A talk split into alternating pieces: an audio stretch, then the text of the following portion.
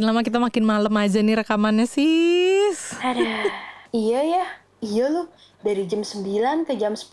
Gue jam 11. Sekarang setengah 12 men. Aduh maklum ya. Kita terlalu Ikrip. ikrip bergaul dengan yang namanya Iya. cucian. Betul. Sama gosokan Aduh, ya. gini deh maklum Jadinya deh ya. begini. Tapi ini walaupun kita ribet dengan apa namanya? Dengan urusan rumah tangga, cielah. Tentu kita ten- tidak ketinggalan berita dong apa yang terjadi saat-saat ini. Ada yang lagi seru. Apa nih? Iya, ada banyak kan Beb. Yang lagi seru mah banyak. Lu mau ngomongin apa? Mau ngomongin oh, ada orang yang buka eh, apa ada ada website atau apa yang khusus ngomongin atau ngegosipin orang? Itu ada Oh loh. my god. Lu tau gak sih lagi heboh? tahu gue, serius loh. Wah gila, itu juga Namanya apa webnya? Eh lu boleh tahu nanti nanti gue gue lupa namanya ntar gue kasih lihat lu. Gue gue lihat dari Telegram ada yang lagi Oh. kasusin. Eh, itu orang-orang kayak gitu harus dikasusin. Gue setuju sih. Oke. Karena itu orang-orang pure.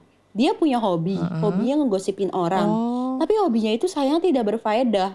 Kalau lu punya hobi tidak berfaedah buat tuh nggak apa-apa asal jangan membuat mental orang lain jatuh menurut gue. Menurut gue kesian sih kalau orang-orang orang-orang diomongin berturut apa ber berulang-ulang kali kayak dijadiin hobi makan sehari tiga kali gitu kan keterlaluan ya beb. Emang ngomongin orang ini yang sama maksudnya? Jadi eh, pokoknya di eh, website atau atau apps atau apa gue juga nggak tahu. Gue gue ngeliat dari karena heboh di selebgram selebgram gitu. Jadi lagi di capture capturein intinya adalah eh, mereka itu masuk ke dalam situ dengan akun-akun yang bodong. Oh. Jadi namanya samaran semua tuh. Misalnya sepatu roda kurang satu gitu, let's say seperti itu. Terus eh, gambarnya juga semua model lah, eh, nggak nggak pakai pasti Iya, ya iya, pasti iya. fake lah semuanya. Tapi itu artis Nah, maksudnya itu public udah nih. figure. Gak ada yang tahu beb yang ngomongin itu public figure atau ibu-ibu kurang Oh. kerjaan. Ya. Yang pasti dia ngomongin, jadi dia kayak kayak kaskus zaman dulu Iya, kan ada iya, iya, iya, ya iya, salah iya, namanya ya.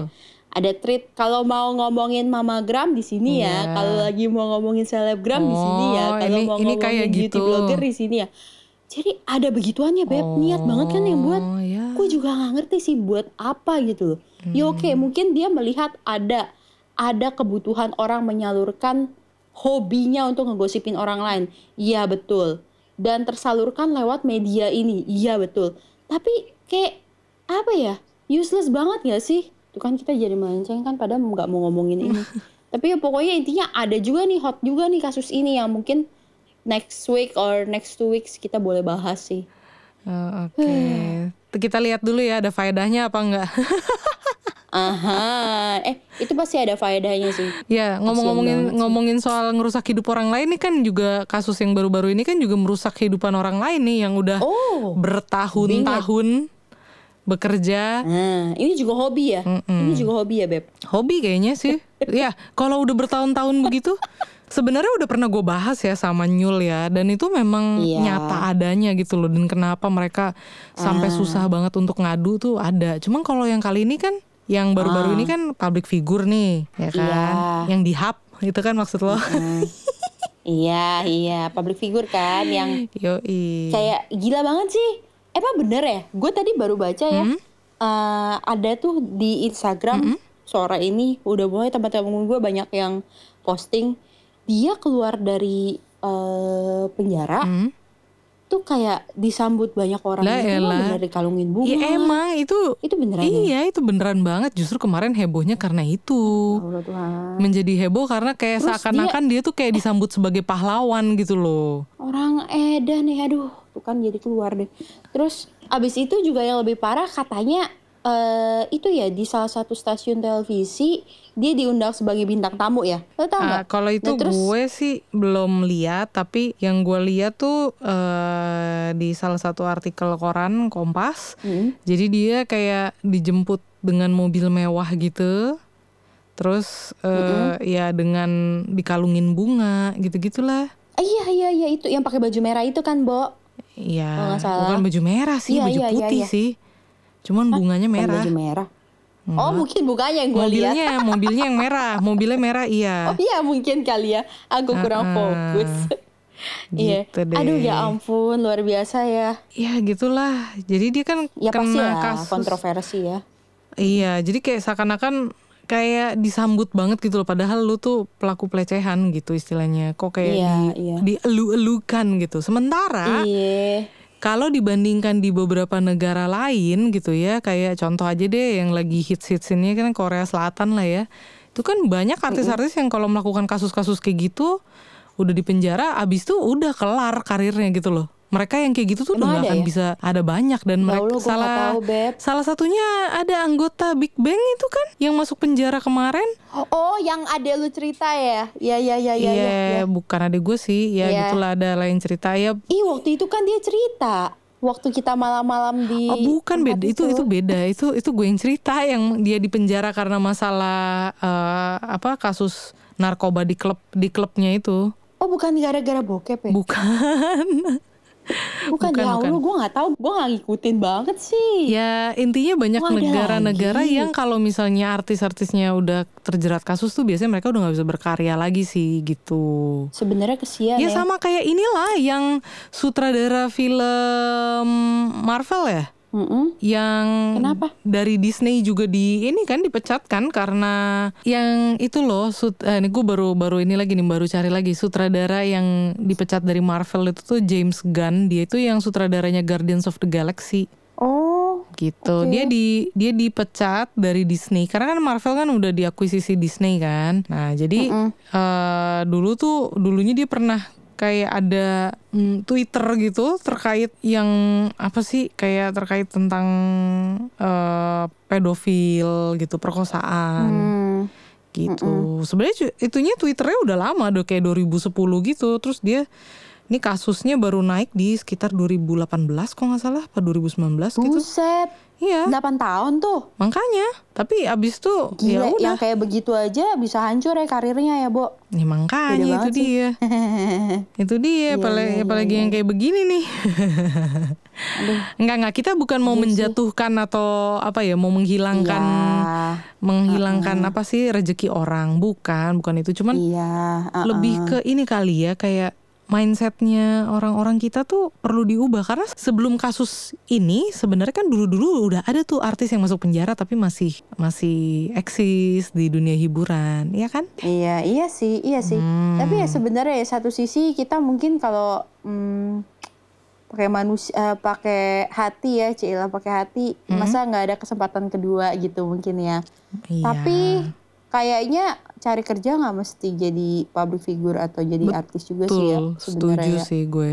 Sebenarnya gini, mungkin Lagian, mungkin bebannya bebannya lebih besar karena mereka tuh public figure. Ketika Iya. mereka tuh seorang public figure, lu kebayang gak sih uh, korbannya tuh gimana gitu loh. Ketika ngelihat ah orang ini udah udah tampil lagi nih di TV gitu. Maksudnya korbannya itu loh, itu Iya, iya, iya. iya. mm, ketemu lagi nge- ngelihat mereka, apalagi ada di TV itu sesuatu yang traumatis loh Iya sebenarnya. Ih banget. Eh gue jadi inget ini loh. Apa tuh? Eh, lu lu pernah nggak nonton film Korea? Mm-mm. gue dikasih tau sama temen gue sih tentang eh ya ini jatuhnya pelecehan juga sih ya. Mm-mm. Jadi ada anak kecil Mm-mm. yang dilecehkan sama satu kakek-kakek kok nggak ada. Ini sampai difilmin. Sadis Oh. banget.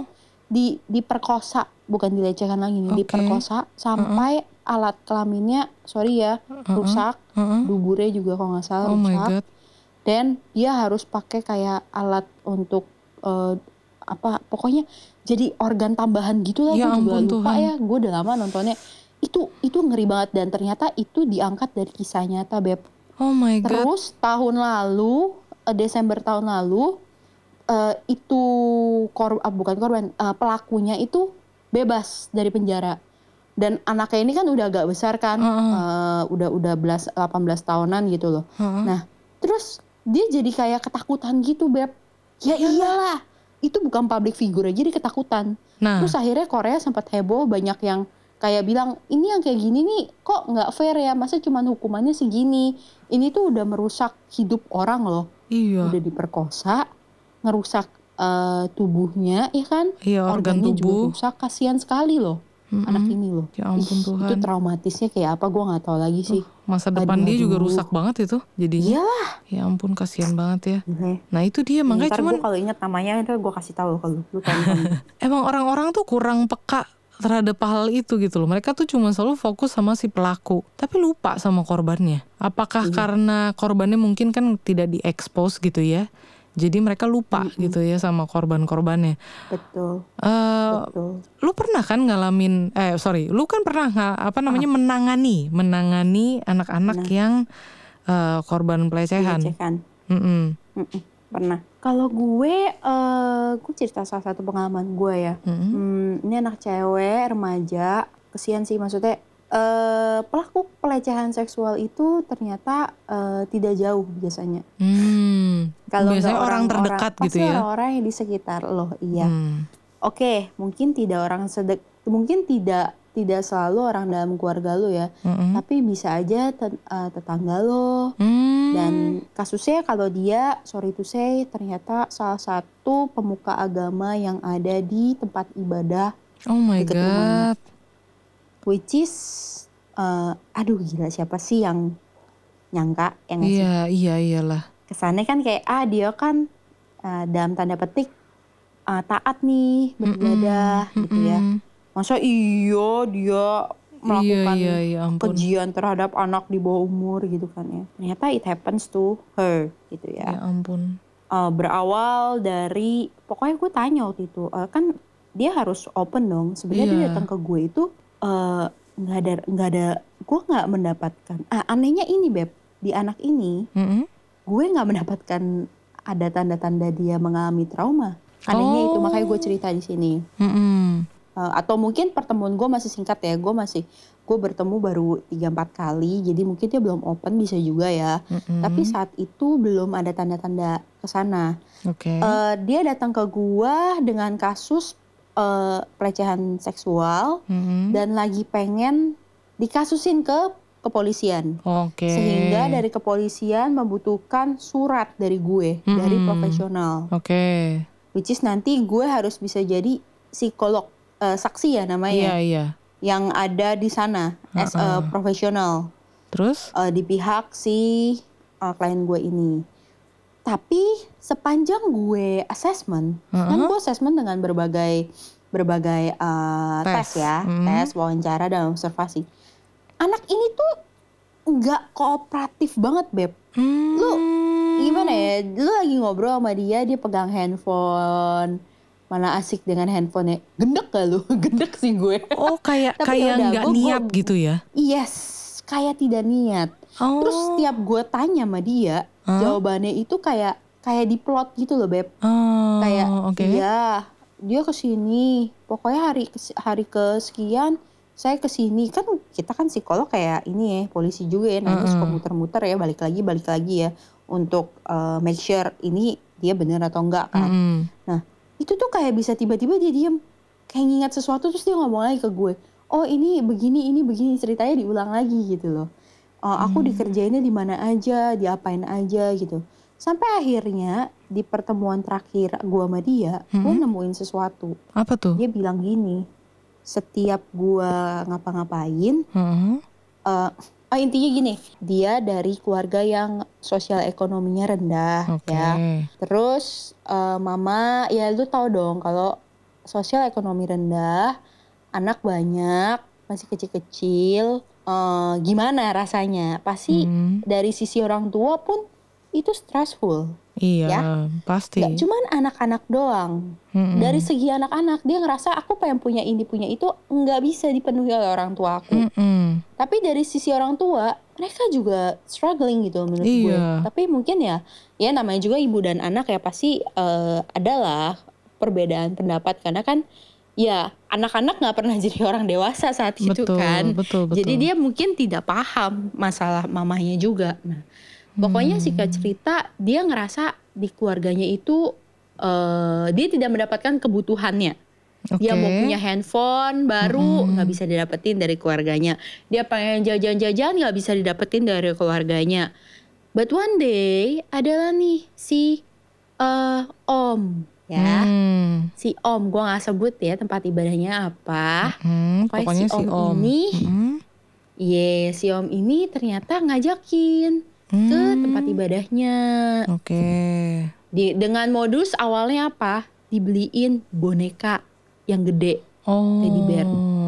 Anak ini udah seneng dikasih begituan. Iyalah, pasti seneng. Terus? terus belum dia papain kalau menurut gue ya cuman Oke. di ya diajak ngobrol dipegang-pegang didempet-dempetin gitu dan lama-lama diajak lagi dikasih duit. Kalau oh. dikasih duit mulai dipegang-pegang Hmm. nya gitu ya. Kemaluannya payudaranya gitu loh. Oh. terus gue tanya pada saat itu what do you feel? How do you feel? gitu ya. Dia bilang aneh. Terus? "Eh, kamu tahu nggak yang dia lakukan apa? gitu. Terus dia cuma bilang gini ke gua. Katanya eh, om ini sayang sama saya oh. hey. Iya iya iya iya ngerti om sih. ini sayang sama saya jadinya boleh kayak begini Hmm. ini kejadiannya kalau nggak salah dia masih umur 13 tahun Oh iya. berarti masih SMP ya BP ya Mm-mm, SMP mm-mm. ya udah dan itu berulang pada akhirnya sebenarnya dia eh, di pertemuan terakhir itu dia bilang sama gua dia Mhm. sebenarnya nggak mau kasusin ini Hmm. gue tanya dong hah mama kamu tuh pengen fighting loh buat kamu gue bilang gitu. Mm-mm. tapi aku pengen tahu karena gue kan penasaran nih anak kenapa nggak kooperatif sama gue pasti Iya, ada something iya. wrong Iya, kan? terus? Dan gue tanya sama dia sebenarnya kamu maunya bagaimana? Ya dong gue Iya. tanya. Aku malu kak katanya. Mama ngapain sih kayak gini? Aku nggak apa-apa kok. Indian dia bilang gitu beb ke gue. Gue cukup shock Oh. sih maksudnya. Ah kamu nggak apa-apa? Iya. Terus setelah gue gali gue gali ternyata nggak apa-apa ini kenapa karena dia ngerasa dia bisa mendapatkan kebutuhannya dari si om itu betul jadi betul. kayak barter man Iya bener sih. Iya enggak jadinya jadinya enggak maksudnya jadi apa ya menurut dia itu bukan sesuatu yang salah gitu kan karena tuh kok Iya, dia dia mendapatkan apa yang dia mau gitu ya. Iya, tapi kan itu kan tetap dilecehkan judulnya gitu loh. Iya tapi buat dia kan enggak gitu itu kan menurut orang lain yang melihatnya. Itu ibarat Iya. ibarat kayak gini loh, ibarat kayak ada cowok cewek melakukannya sama mau sama mau gitu. Mungkin orang lain ngeliatnya gila lu tuh Iya. dilecehin sama pacar lu gitu, tapi buat dia lah kan gue mau Iya juga sih, gitu. Iya. Kurang lebih gitu lah ya. Gue cukup gue cukup shock sih beb waktu itu. Iya, Maksudnya iya, setelah iya. itu gue langsung ngobrol dong sama psikolog-psikolog senior di Iya. yayasan tersebut. Heeh, heeh. Ini gimana? Maksudnya gue bingung di satu sisi eh gue mau bantu anak ini ya Iya. dan gue pengen yang terbaik buat dia sebenarnya. Karena anak ini jadi unstable beb di Iya, rumah bisa tiba-tiba pasti. teriak nangis kayak mama bilang kayak orang kerasukan. Iya, iya. Tapi mamanya bilang, ini karena kerjaan si pemuka agama itu. Gitu. oh. Tapi ternyata setelah gue gali, bukan karena itu. Karena Iya, iya, dia iya. ngerasa stres, mamanya neken dia. Iya. Lu harus gini, lu harus gini, lu harus gini. Mamanya memang datang ke gue, dia sampai bikin catatan kronologis ceritanya. Kronologis anak ini diapain aja, dapat apa, ini. Itu dicatatnya mamanya, sampai sedetail itu. Hmm, Terus setiap mau interview sama gue selalu bilang ngomongnya yang bener ya, inget ya, inget ya ngomongnya Hmm. eh, harus yang bener, yang bener dalam tanda petik ini gue gak tahu yang bener apa yang dihafalin atau apa gue gak ngerti. Iya, iya. Yang bener menurut mamanya lah ya. Tapi iya, jadi dia dia ternyata tuh kayak begitu. Hmm. Tapi ya, ya itu salah satu kasus pelecehan yang gue alami, eh, yang gue tanganin ya. Hmm. Terus ada juga beberapa lagi kasus tapi cowok. Eh, ini ini sebenarnya kasusnya datang ke gue karena dia yang waktu itu ya yang dia dia sebenarnya homoseksual and then dia ternyata pernah dilecehkan sama tetangganya apa supirnya ya gue lupa pokoknya orang terdekatnya lah Hmm, Oke. nah dan dan itu juga orang tuanya nggak tahu Hmm. dan berimpas ke perilaku seksualnya ada juga yang kayak gitu Oh, Oke, oke. tapi bener-bener memang semua rata-rata diawali dari yang namanya pelecehan seksual. Betul. Lu pernah dengar gak sih sebenarnya kasus yang tadi gue tanganin ya, pem- pemuka agama itu, Hah? kayak kasus salah satu pemuka agama yang heboh juga. Gue nggak tahu Heeh. ya lu tahu atau enggak. Hmm. Eh, pokoknya itu ternyata itu sadis banget men. Gue sampai merinding baca kisahnya. Kenapa tuh? Dia sudah melecehkan, dia udah mele- jadi gini, ada salah satu pendeta ya Heeh. dia di penjara sih sekarang tapi gue nggak ikutin ya gimana dia vonisnya yang pasti dia di penjara karena telah melecehkan salah satu jemaatnya anak jemaatnya dan Oke. jemaatnya ini adalah teman baiknya dia jadi ngerti ya dia sama si jemaatnya itu teman baik Papa Mm-mm. sama papa mamanya sama papa mamanya jem- yang korban ini teman baik. Mm-mm. Nah, jadi dia bilang kalau anak gue main sama si teman gue, si Om, Mm-mm. nggak apa-apa kan dia kan pendeta. teman baik ya kutip. ya ya dan teman baik pula gitu Ya, ya, sama kan kayak yang tadi kan, nggak mungkin Iya, nggak iya. mungkin ngapa-ngapain kan dia cinta Tuhan, ibaratnya begitu loh. Tapi kan Hmm, the problem is biar kata itu pendeta, dia tetap manusia menurut betul gua. betul gitu. Jadi tidak uh-huh. seharusnya Anda sebagai orang tua memberikan kebebasan kepada anak Anda, baik perempuan maupun laki-laki, untuk bergaul ikrip dengan mereka tanpa pengawasan dari Anda. Setuju? Iya, dan gue dan ya, sebenarnya dan sebenarnya nggak cuma masalah pemuka agama loh. Kasus yang pernah gue tanganin, ini korbannya cowok dan pelakunya itu adalah sepupunya sendiri. Nah, yes. Lebih Bisa. dekat lagi tuh. Bisa. Waduh, lebih parah lagi sepupunya kan. sendiri dan dan Nah. itu lebih susah di lebih apa ya? Kalau gue itu kasusnya kemarin tuh akhirnya lebih susah ditanganin karena karena saudara gitu loh. Nah, Ngerti nggak? iya Jadi pasti. Ketika enak ketika mau lapor bukan bukan nggak enak bukan. Jadi ibunya ini sudah bertindak secara hukum, udah ke lawyer, udah ke polisi. Tapi lu tahu polisi Hmm. bilang apa? Eh, kurang lebih sama lah sama yang kasus eh, pelecehan di kantor yang berapa hari lalu itu kan dia juga ceritanya kan dia Oh, katanya iya. udah pernah lapor polisi Kayak kan dua ngeremehin kali ya. kan. Iya, iya. Eh, polisi cuma bilang ya coba omongin ke atasan kamu baik-baik gitu kan. Eh ini sama karena polisi merasa ini kan keluarga. Kenapa kalian nggak Heeh. Diskusi secara kekeluargaan gitu loh. Intinya nggak nggak bisa. Dan dan maksudnya polisi juga bilang ya memang kan nggak ada bukti konkret. Ya terus gimana gimana bukti konkret ya kalau misalnya eh emang sih mungkin mungkin ini pelecehannya nggak separah yang dialamin orang-orang itu di TV buk emang mungkin nggak separah itu. Jadi si cowok ini tuh eh, SMP juga Ah, sepupu sepupunya ini masih SD sebenarnya tapi SD-nya SD kelas 6 udah pra remaja gitu lah udah mulai udah mulai ini kan penasaran gitu kan Udah mulai gemes. Eh, eh. Iya. Nah jadi suatu hari nih eh, memang eh, sepupunya ini cewek tuh suka dititip di rumahnya eh, anak inilah gitu. Ini tantenya kan gitu kan soalnya rumah tantenya dia. Eh, ibunya yang anak cowok itu bilang ke gue ya memang anak-anak itu suka dititipin di rumah saya gitu kan karena eh, dulu rumah kita deketan gitu. Oh ya udah oke terus. Cuman anak saya ini baru cerita katanya yang cowok itu cerita soalnya kata dia pernah lagi tidur tahu-tahu pas dia melek gitu dia kaget kebangun karena sepupunya itu udah buka celananya dia udah Waduh.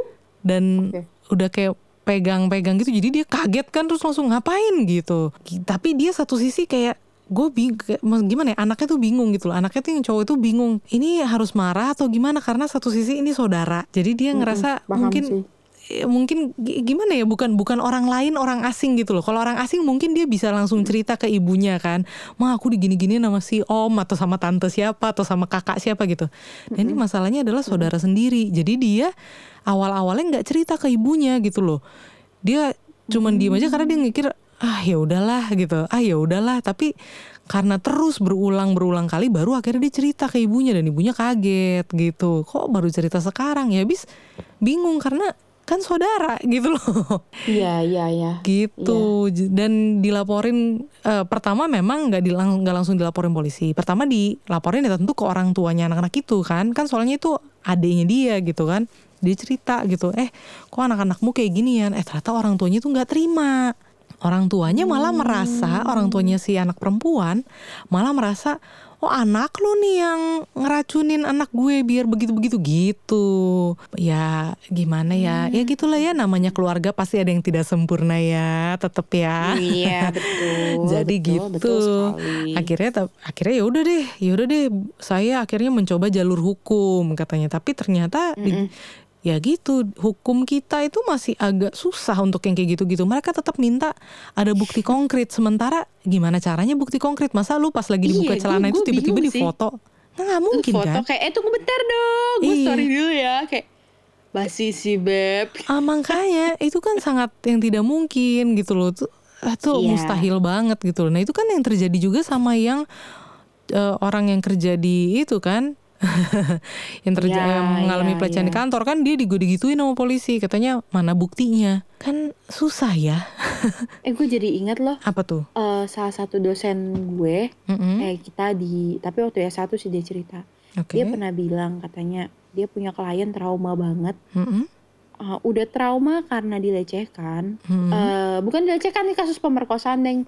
Oke. Karena trauma udah udah trauma diperkosa Mm-mm. dia memberanikan diri untuk ke polisi untuk ngelapor. Mm-mm. terus dia makin trauma lagi. Karena? Karena polisinya itu kayak nggak empati beb katanya ya. Oh eh, iya ini gue benar gue nggak menyalahkan ya. Gue nggak menyalahkan eh, gue nggak bilang semua polisi seperti ini. Tapi pada saat itu pada saat case ini dia dapat polisi yang tidak empati dan dia Hmm. bertanyanya gini beb maaf ya Mm-mm.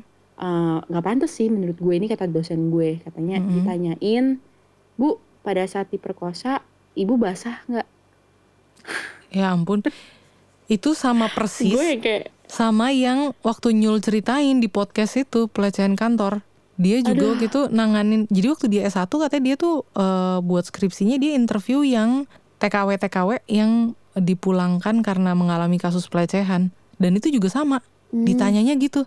Ditanya gitu? Iya oh jadi ditanya beneran ya? Iya ditanya. Rasanya gimana pas dipegang? Emang harus Gitu banget ya tuh itu? kita ya. ya buat kalian siapa pun itu mau kalian itu eh, apa ya tugasnya menginvestigasi kasus tertentu ataupun kalian misalnya cuman sekedar temannya please don't ask that kind of stupid question. Karena itu nggak banget sih beb.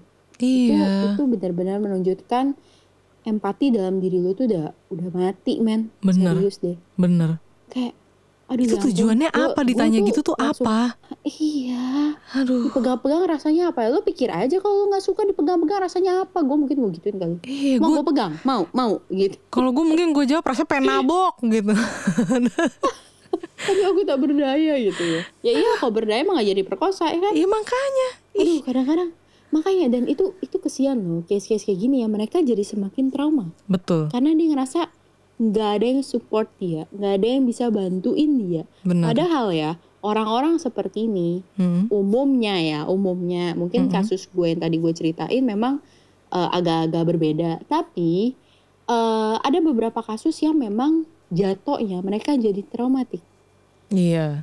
karena kadang-kadang ada ada ada salah satu kasus juga gue cerita dikit Mhm. dia malah nggak tahu kalau itu yang namanya dilecehkan Oh iya iya benar-benar ada yang begitu. setelah Betul, dia betul. tahu itu namanya dilecehkan dan itu sudah terjadi berulang kali dia merasa jijik sama diri dia dia kayaknya sama sih jadi dia juga merasa jijik kan nih yang, yang Iya. kasus terbaru ini Iya dia benar. udah merasa jijik sama diri dia Mm-mm. dan dia merasa eh, ya ini itu udah mulai kayak merasa sudah traumatik dengan hal-hal seperti itu gitu Iya pastinya. tambah lagi lu bayangin yang kayak begitu lo mau minta bantuan lo minta support malah dapat supportnya seperti itu aduh ya ampun Iya. hancur sih beb itu Emang hancur parah banget sih. Ini gue juga dapat data ya ternyata di tahun 2019 ini malah kekerasan kasus kekerasan seksual tuh ada 4.898 kasus loh.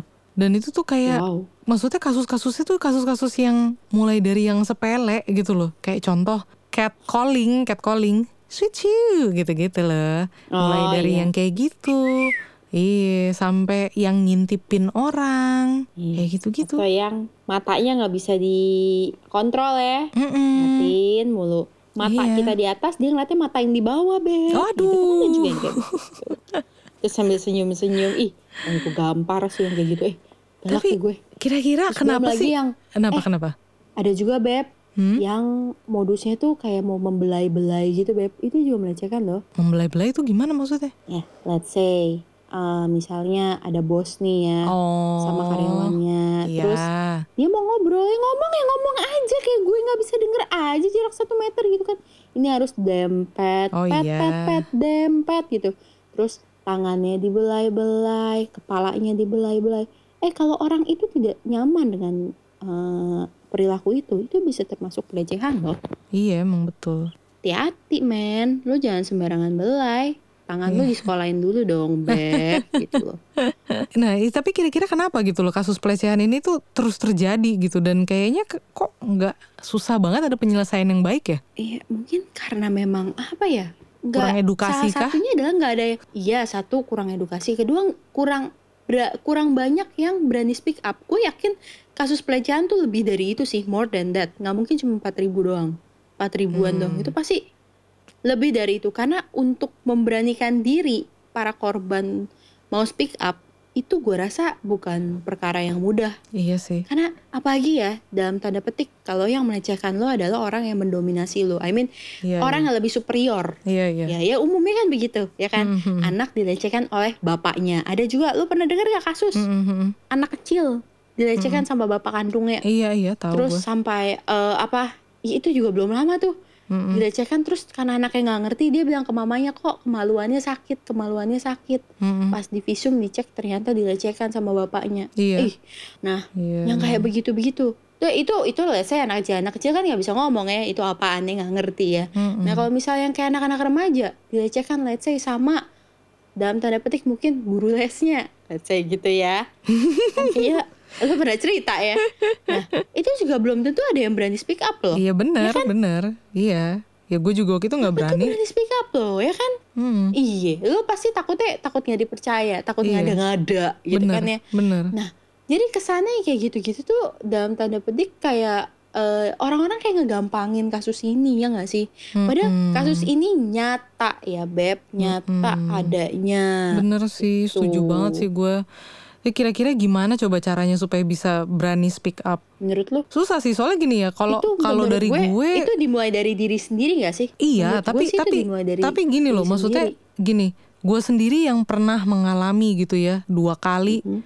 satu sama guru les, satu sama sahabat bokap gue, itu Mm-mm. gue nggak bisa ngomong karena karena eh, satu balik lagi ke sex education sih. Iya. Kita tuh di rumah, Iya, maksudnya gue, iya kan, gue sama orang tua di rumah tuh ka, apa ya, nggak pernah membahas tentang seks itu dengan terbuka tentang alat kelamin itu harus dipegang siapa dan segala macam gitu tuh nggak pernah dibahas Iya. dengan terbuka gitu. Itu kan sesuatu yang tabu gitu. Kayak gue juga pernah bilang kan, maksudnya mereka Iya. tuh kayak setengah-setengah gitu loh ke Iya. gue gitu. Iya. Jadi jadi akhirnya gue kurang berani gitu untuk bilang ini gue ini apa yang gue alamin ya gitu. Ini ini pelecehan bukan sih Ah, gitu. iya. gitu. Iya, jadi gue jadi jadi jadi bingung gitu untuk ngomong gitu. Dan gue juga inget ya anak murid gue itu juga pernah cerita. Dia juga pernah dilecehin sama orang yang juga teman bapaknya. Dan dia juga eh, dan ini ini kasusnya parah sih menurut gue ya jadi mereka tuh kayak ada di sebuah acara gitu ya ada di sebuah acara terus ceritanya menutup acara mereka berdoa nih jadi dalam keadaan semua tutup Iya. mata kan ya Wow. Iya dan lu tahu dong do- Oke. doa itu kan singkat ya nggak Iya. setengah jam gitu paling cuman berapa lima menit Iya. gitu ya Ya, Dan- nggak nyampe tiga menit paling. iya dan dalam waktu sesingkat singkatnya om Ah-ah. itu om itu menggrepe anak murid gue gila kan Aduh, aduh. ngegrepe Oh. dadanya gitu terus dia bingung Dalam karena tempo yang sesingkat-singkatnya dia menggrepe murid Anda secepat-cepatnya. Iya, dan- dan itu lagi dan kondisi- sekeras-keras ya kurang ajar emang dan itu itu orang. bener-bener lagi berdoa men jadi gue kayak diceritain itu hah serius kamu iya miss terus gimana Aduh. Ya aku bingung mau bilang ke siapa katanya. Setelah kayak dua kali dia alamin itu, akhirnya baru dia cerita ke nyokapnya. Terus nyokapnya ya udah akhirnya nyokapnya bilang ya udah besok-besok kamu gak usah ikut. Tapi kamu jangan cerita ke papa kamu karena kalau papa kamu tahu dia bisa bunuh orang itu. Ya maksudnya saking karena karena itu orang kenalannya bokapnya gitu loh. Jadi nah itu itu aja maksud gue ya gimana ya susah gitu nggak nggak bisa terselesaikan dengan baik oh apalagi ditambah lagi orang yang melakukannya itu adalah seseorang yang berada di eh, kerjanya tuh di negara gitu deh Hmm. kalau gue sebut namanya lu tahu lagi nanti aja deh off air aja ya off air itu itu curhatan off air ya. Ya ya, jadi kalau menurut Iya. gua untuk bisa speak up itu balik lagi ke lingkungan keluarga sih. Keluarga lu tuh harus bisa Iya. open masalah seks. Iya, betul. Betul banget. Sedini mungkin, Beb. Makanya Sedini kan kita mungkin. pernah bahas tentang sex education. Betul. I, sex education itu sangat penting dan gue seneng sih uh, generasi sekarang kan setidaknya dari ibu-ibu yang gue bina sekarang nih ya di Hmm, komunitas, mereka udah mulai aware sama pentingnya sex education. Gue seneng Hmm, sih. bagus Jadi gue yakin apa yang kita ajarkan, apa yang kita uh, sharing ke ibu-ibu ini akan berdampak ke generasi kita yang mendatang sih. Ya, Amin. hopefully dengan seperti ini uh, tingkat pelecehan seksual akan lebih rendah, terus Betul. mereka juga lebih berani speak up gitu kan ya. Betul. Hopefully seperti itu. Iya. Nah, eh, contoh nih ya, sebenarnya ya, Hmm. gue ngomongin pelecehan, Hmm? pelecehan itu nggak mesti, eh, ya tadi kan kita udah ngomong ya, grepe-grepe segala macam. Hmm, hmm, hmm. Pelecehan itu bisa juga dialami oleh anak-anak sekecil sekecil anak gue loh. Hmm. Jadi kayak gini ya, gue kan selalu ngajarin anak gue tuh untuk eh, menyebut nama kelaminnya dengan nama aslinya ya. Itu Iya. penis gitu ya. Hmm, hmm, Itu penis, itu pantat, itu apa? Ya gue ngomong apa adanya ke dia. Heeh, Terus gue selalu ajarin dia kalau lagi gue lagi mandi, kan mandinya sama gue. heeh. Gue selalu bilang, eh Sean, ini namanya apa? Penis. Oke, yang boleh pegang penis ini siapa? Dia bisa sebut namanya Sean. Oke, good. Nah, makanya mama kalau mau megang, mama bilang sorry atau permisi. Mama mau bantu Sean untuk membasuhnya karena lagi mandi, karena lagi pupup, karena lagi pipis, let's say seperti itu. Hmm, hmm. Gue selalu bilang kayak gitu. Itu gue ulang-ulang terus loh, Beb.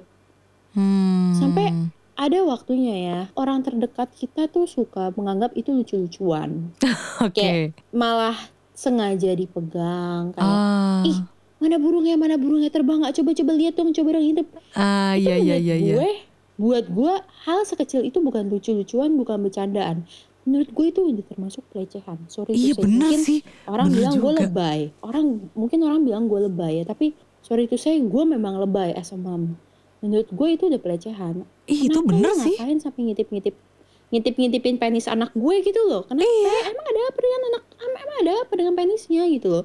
Belum lagi yang ditowel-towel kayak cuma bercanda. Ih mana ih kecil banget sih itu apa sih lah kalau dia penisnya segede penis bapaknya lu nggak takut Ih, salah ngomong gue maksud gue ya gitu kan kalau dia segede penis orang dewasa lo nggak takut I mean Aduh. gitu gitu loh Ya ya ya. Jadi harus jadi cerita lu mau harus sombong gitu ya. nih. Gue, anjir. eh gede kecil kan itu kan tergantung uh, subjektif. Anjir gue salah ngomong lagi deh. Jadi gue kadang tuh ya kalau ngeliat gue suka kesel sendiri itu bener. kadang even bapak gue sendiri suka kayak gitu ya megang-megang. Terus gue suka Hmm. ngoceh kan jangan kayak gitu ah. Nggak boleh kayak gitu. Apa deh anak gue udah bilang eh anak gue kan galak ya Hmm. turunan gue tuh. Eh nggak boleh pegang-pegang. Bisa gitu dia ngomongnya. Oh. eh gak boleh pegang-pegang. Ini penis aku. Nggak boleh pegang-pegang. Dia bisa ngomong kayak gitu. Bisa defense uh, Bagus lah. dia punya uh, diri self defense udah bagus gitu loh untuk hal-hal seperti ini. Tapi orang orang-orang gede tuh kadang ngeliat ih lucu ya. Malah makin lucu malah makin dilecehkan gitu loh. Hati-hati guys. Iya loh. Bener bener bener Makin bener. lama makin, "Ih, emang kenapa sih? Emang kenapa sih? Emang kenapa sih? Nah itu kan apa ya? Menurut gue itu udah dilecehkan jadi ya hati-hati ya kalian Mm-mm. ya even yang punya anak ataupun yang nggak punya anak yang suka gituin anak orang yang Iya. kalian lakukan itu tetap menurut gue kejam Betul. menurut gue itu eh, tidak baik untuk anak-anak Setuju gue setuju. Ya. Udahlah, mendingan urusin penis masing-masing ya nggak? iya kenapa sih kurang satu